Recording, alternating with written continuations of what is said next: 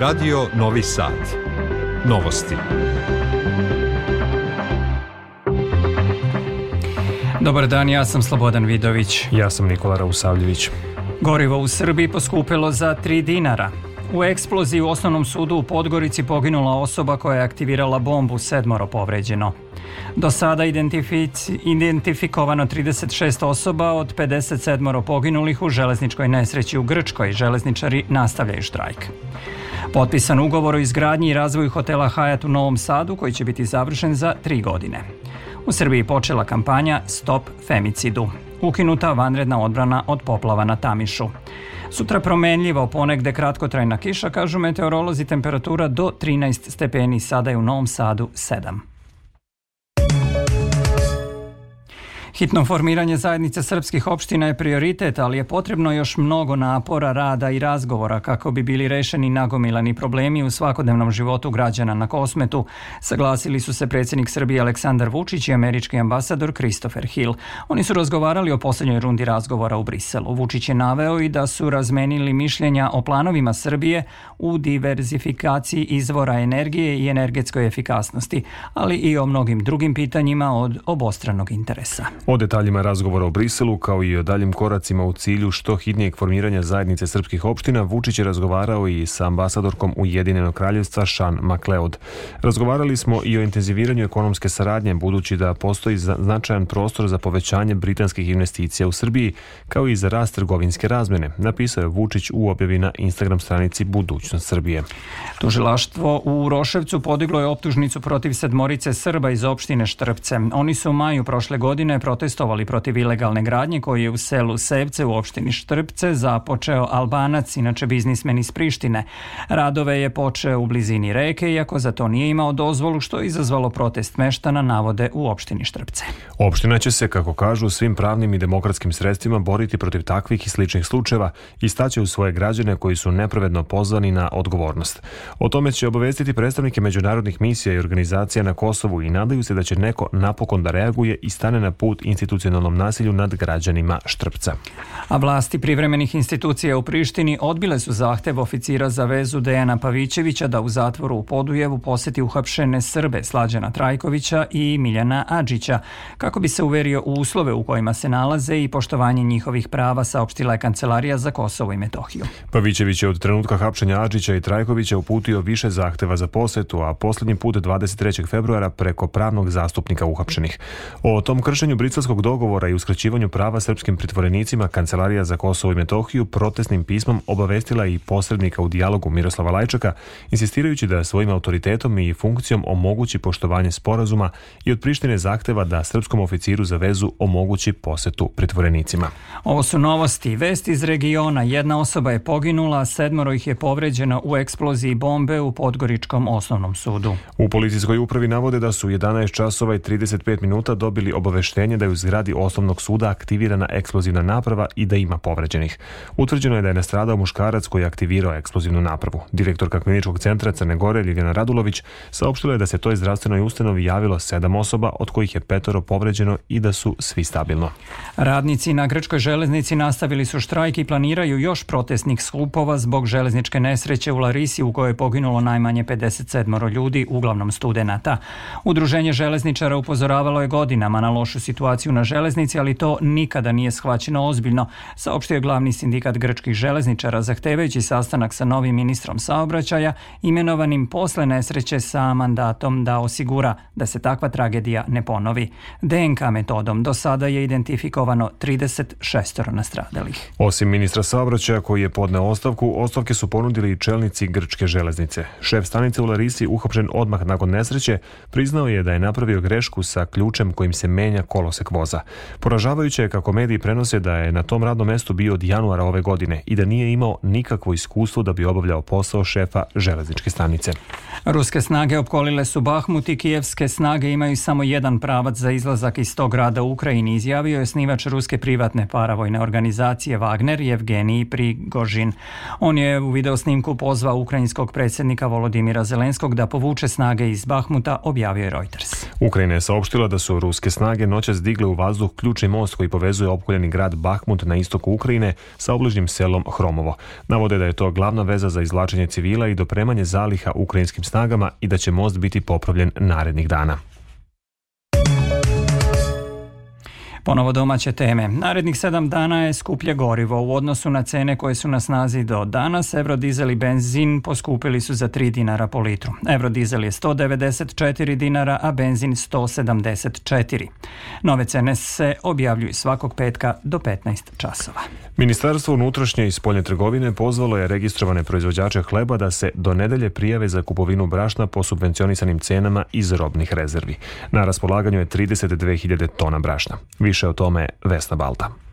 Pekari imaju još tri dana da se prijeve za kupovinu brašna tipa 500 iz robnih rezervi po subvencionisanoj ceni od 33 dinara po kilogramu. Pravo da konkurišu imaju pekari koji su u trenutku donošenja uredbe bili registrovani za tu delatnost, a moći će da kupe brašno proporcionalno količini hleba koju proizvode, kaže za RTS pomoćnik ministra trgovine Žarko Malinović. Sada je na raspolaganju takođe 32.000 tona za koje do kraja ove nedelje pekari mogu da se prijave, mi ćemo tokom sledeće nedelje veoma brzo komisijski napraviti raspodelu i na osnovu toga njima omogućiti da oni od nadležnih institucija preuzmu brašno i prave jeftin hleb za građane. Malinović objašnjava i da hleb Sava ne sme biti skuplji od 57 dinara. To je uredbom propisana maksimalna maloprodajna cena, ono što ne sprečava trgovce kao i, i druge da ta cena bude i jeftinija. Mi smo, vodeći se računa o zaštiti potrošača na prvom mestu s jedne strane, omogućili da hleb hleb do kraja juna bude po subvencionisanoj ceni, dalje ćemo pratiti stanje na tržištu i na osnovu toga donositi mere. S druge strane, pazimo i na našu privredu. Sve prijave koje putem maila stignu u nedelju do ponoći smatraće se blagovremenim prijavama, naveo je Malinović.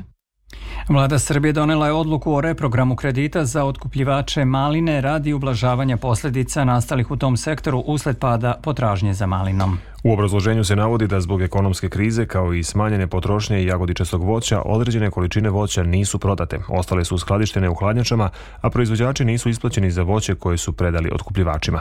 Kako se ističe, tom odlukom vlada Srbije pomaže hladnjačarima u odlaganju obaveza isplate kredite na 12 meseci kako bi izmirili dug iz prethodnog, prethodnog otkupa prema primarnim proizvođačima malina.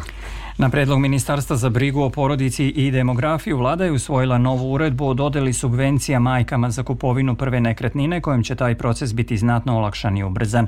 Na taj način majke ostvaruju pravo na novac za izgradnju učešća u kupovini, odnosno kupovinu porodično stambene zgrade ili stana po osnovu rođenja deteta. Omogućena je i kupovina stanova u izgradnji koje su predbeleženi u katastar nepokretnosti bez tereta, što je u dosadašnjim procesima otežavalo dobijanje subvencija. U hotelu Park u Novom Sadu potpisan je ugovor o izgradnji i razvoju hotela Hyatt Regency. Reč je o investiciji od 107 miliona evra, što je najveće do sada ulaganje u Novom Sadu. Ugovor su potpisali podpredsednik za razvoj Hyatt International grupe Takuja Aoyama i direktor kompanije Inovačka Vukajlo Babić. Pojedinosti Marija Maleš. Dolaskom jednog od najvećih hotelskih lanaca na svetu, Novi Sad će se pozicionirati kao centar međunarodnog kongresnog turizma u Vojvodini, a njegovim otvaranjem 2026. godine Novi Sad će dobiti najveći kongresni centar izgrađen na 1900 kvadrata za skoro 1000 ljudi. Dan u kojem započinjemo realizaciju ovako velikog projekta od posebne važnosti je za Novi Sad, rekao je gradonačelnik Milan Đurić. To je snažna ekspanzija razvoja Postali smo prepoznatljivi na svetskoj investicione mapi i u našem gradu posluju najveća svetska imena. Danas im dodajemo jedno od najvećih u domenu delatnosti hotelijerstva i kongresnog turizma. Predsednik pokrinjske vlade Igor Mirović kaže da je reč o domaćem investiranju što je veoma važno uz podršku velikog i moćnog brenda kao što je Hyatt Regency. Ovo je zapravo dokaz i odgovor kako veliki svetski brendovi, ukoliko imate taj kontinuitet i ukoliko imate ekonomski rast, na osnovu pokazatelja, uveren sam, dolaze u Srbiju i danas ćemo pre svega zbog toga prisustovati potpisivanju novog ugovora koji će nam u budućnosti predstaviti nove sadržaje, posebno u turističkoj hotelskoj sferi. Budući Hyattov hotel projektovan je da rekonstrukcijom i dogradnjom postojećeg hotela Park bude savremen premium hotel. Baziran je na korišćenju zelene energije, a posebna pažnja biće posvećena očuvanju Futoškog parka koji se nalazi u okolini samog hotela, kao i očuvanju banjskog dela kako bi on ostao autentičan i u duhu Jodne banje. Vanredna odbrana od poplava ukinuta je na Tamišu nakon što je nivo vode opao za oko pola metra u odnosu na juče, saopštile su Vode Vojvodine. Vode Vojvodine su na svom sajtu objavile da se na skoro 62 km nasipa na Tamišu od državne granice do Tomaševca sada sprovode mere redovne odbrane od poplava. Redovna odbrana je i na levoj obali Tise kod Novog Kneževca uzvodno od crpne stanice Vok do državne granice. Na Brzavi su ukinute mere redovne odbrane od poplava. Očekuje se da vodostaji Tamiša i Brzave nastave da opadaju, dok je nivo vode na Tisi u manjem porastu. Prva prihrana pšenice, koja je jesenas u Južnom Banatu zasejana na većoj površini nego ranijih godina, je pri kraju.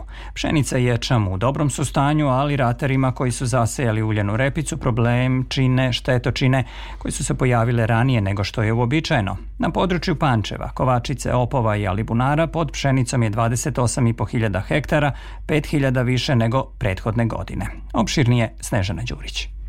Iako bi u zimskom periodu pšenica trebalo da bude u fazi mirovanja zbog neuobičajeno toplog vremena, vegetacija nije prekinuta. Tokom jeseni usled padavina došlo je do ispiranja nitratnog azota i u površinskom sloju zemljišta ima ga manje nego što je uobičajeno. Na to bi trebalo obratiti pažnju tokom prihrane, kaže Jan Babka, inženjer ratarstva u institutu Tamiš. Naše preporuke su da to bude negde oko 60 kg čistog hranjeva azota, znači negde oko 175 kg amonijum nitrata po hektaru u, prvom prihranjivanju i negde u drugoj polovini marta od 15.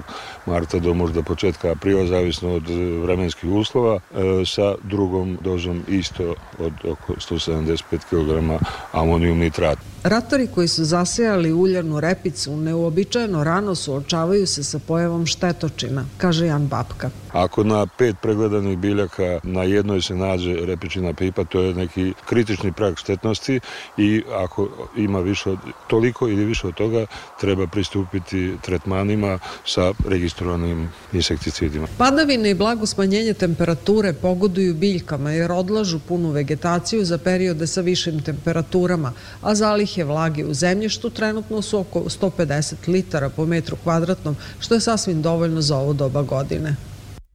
Slušate novosti prvog programa Radija Radio Televizije Vojvodine. Gradonačelnik Novog Sada Milan Đurić uručio je zahvalnice pripadnicima policijske uprave u Novom Sadu i vatrogasno-spasilačke brigade za pokazan visok stepen profesionalizma i posvećenosti prilikom obavljanja zadataka iz svog delokruga rada. Podsjetio je da su se novosadski vatrogasci pokazali kao heroji prilikom spasavanja ljudi iz ruševina posle zemljotresa u Turskoj. Nagrađeni su policijski službenici koji su najzaslužniji za rasvetljavanje i hapšenje osumnjičenih za dva teška krivična dela. Pandemija i nedostatak lekara u Kikindi gotovo su ukinuli organizovane preventivne preglede, pa se u Domu zdravlja u tom gradu obavljaju sporadično. Više saznajemo od Lidije Vučković.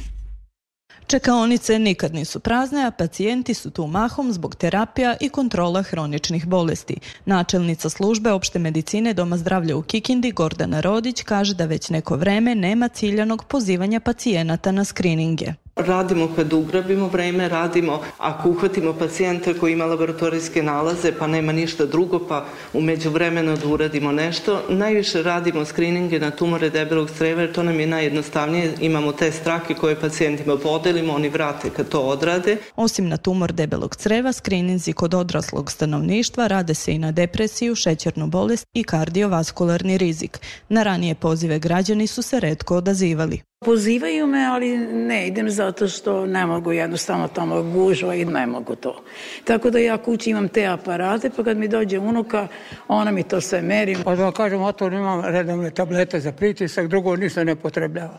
Imam e, nedostatke neke kod srca i sad treba da idem na snimanje. Organizovane preglede usporila je pandemija, ali i sve veći problem nedostatka kadra. U Kikinskom domu zdravlja od 29 lekara opšte prakse trenutno radi samo njih desetoro koji treba da pokriju četiri zdravstvene stanice u gradu i devet u okolnim selima, dodaje dr. Karodić. Trebalo bi od svih pregleda koje mi uradimo u toku dana da 30% bude preventiva od toga. Znači, mi jedva izguramo i kurativu da odradimo sa postojećim kadrom. U postojećim okolnostima nije jednostavno ni pacijentima niti lekarima. Odgovornost o zdravlju na kraju se svodi na pojedinca, dok se situacija ne promeni. Agencija Ujedinjenih nacija za rodnu ravnopravnost i osnaživanje žena u Srbiji pokrenula je kampanju Stop femicidu i na zgradi svog sedišta u Beogradu istakla zastavu sa tom porukom. Direktorka te agencije Ujedinjenih nacija Milana Rikanović kaže da je od početka godine u Srbiji ubijeno osam žena, odnosno jedan nedeljno, i naglasila da je posebno poražavajuće to što je u svim tim slučajevima, u slučajevima femicid mogao da bude sprečen.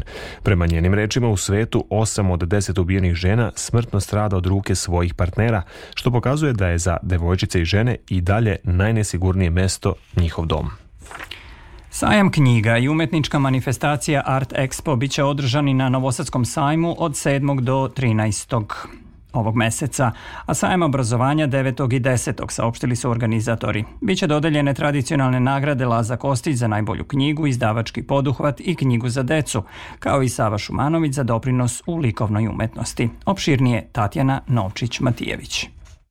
Ovogodišnji sajam knjiga brojem izlagača i sadržaja premašio je do sadašnje, kaže izvršni direktor Novosadskog sajma Boris Nadlukač. Više od 200 izlagača iz šest zemalja sa više od 140 programskih sadržaja. Po tim pokazateljima očekuje nas najveći sajam knjiga izložba umetnosti i sajam obrazovanja u poslednjoj deceniji. Za nagradu Laza Kostić, prema rečima predsednika žirija Vladimira Gvozdena, konkurišu tri romana i jedna knjiga priča. Najavljeno je gostovanje mnogih pisaca i na manifestaciji Dani Laze Kostića i u programu namenjenom najmlađim čitaocima i u sadržajima koje je kreirala Kancelarija Evropske unije. Izložba Art Expo predstavit će retrospektivu dosadašnjih dobitnika nagrade Sava Šumanović, a na sajmu obrazovanja učestvovaće srednje škole, državni i privatni fakulteti. Predsednik organizacionog odbora Sajma knjiga, Mladen Vesković iz Ministarstva kulture, kaže da je sajam u Novom Sadu respektabilna kulturološka činjenica. Novosadski sajam knjiga bude najznačajnija manifestacija ove vrste u prvom polugodištu u Srbiji, odnosno da zajedno sa Beogradskim sajmom knjiga to budu dva punkta u prolećnom i jesenjem kulturnom životu naše zemlje, ali ne samo Srbije, već regiona, jako je moguće i šire. Počasni gost na sajmu knjiga biće pisac Goran Petrović, a na sajmu obrazovanja resorni ministar Branko Ružić. Sajem će biti otvoren od 10 do 20, za vikend do 21 sat, a ulaz se ne naplaćuje. U novostima i aktuelnosti sporta, naš atletičar Lazar Anić plasirao se u finale skoka u dalj na dvoranskom evropskom prvenstvu u Istanbulu. On iz drugog pokušaja preskočio 7 metara 75 cm, što mu je bilo dovoljno da se kao osmi plasira u finale evropskog prvenstva koje će biti održano u nedelju. U polufinalu teniskog turnira u Dubaju Novak Đoković posle 16 časova igra protiv Rusa Danila Medvedeva. U 24. kolu domaćeg futbolskog šampionata Crvena zvezda od 19 časova na stadionu Rajko Mitić dočekuje Partizan. Odbojkaši Vojvodine od 20 časova u Beogradu igraju protiv Crvene zvezde, dok će jedinstvo i Stare Pazove gostovati u Kragujevcu ekipi Radničkog u 19. kolu Superlige Srbije. U ženskoj odbojkaškoj Superligi od 17.30 u Beogradu igraju Crvena zvezda Novi Sad, a od 19 u Subotici Spartak i Tent.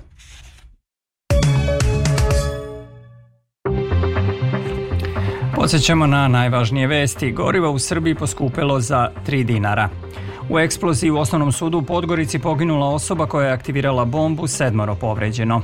Do sada identifikovano 36 osoba od 57 poginulih u železničkoj nesreći u Grčkoj. Železničari nastavljaju štrajk. Potpisan ugovor o izgradnji i razvoju hotela Hyatt u Novom Sadu koji će biti završen za tri godine. U Srbiji počela kampanja Stop femicidu. Ukinuta vanredna odbrana od poplava na Tamišu. Sutra promenljivo kažu meteorolozi, evo detaljnije prognoze. U Vojvodini u subotu na severu pretežno sunčano, u ostalim delovima ujutru i prepodne umereno do potpuno oblačno, ponegde sa kratkotrenom kišom. Sredinom dana razvedravanje, vetar slab do umeren zapadni i severozapadni. Najniža temperatura od 0 do 4, a najviše dnevna od 11 do 13 stepeni. U nedelju uglavnom suvo uz umeren i jak severozapadni vetar. Od ponedeljka očekuje se češća pojava kiše i lokalnih pljuskova. Temperatura bez bitnije promene, dok će od utorka južni i jugozapadni vetar biti u pojačanju. Zradio Novi Sad, meteorolog Miodrag Stojanović. Slušali ste novosti prvog programa radija Radio Televizije Vojvodine. Ovu emisiju možete slušati odloženo na sajtu rtv.rs gde su i sve važne informacije iz zemlje i sveta. Emisiju tonski realizovao Goran Mavić, producent Branislava Stefanović, pred mikrofonom bili Slobodan Vidović i Nikola Rausavljević. Posle Radio Sporta i Vesti u 16 časova možete slušati turistički magazin Peta strana sveta.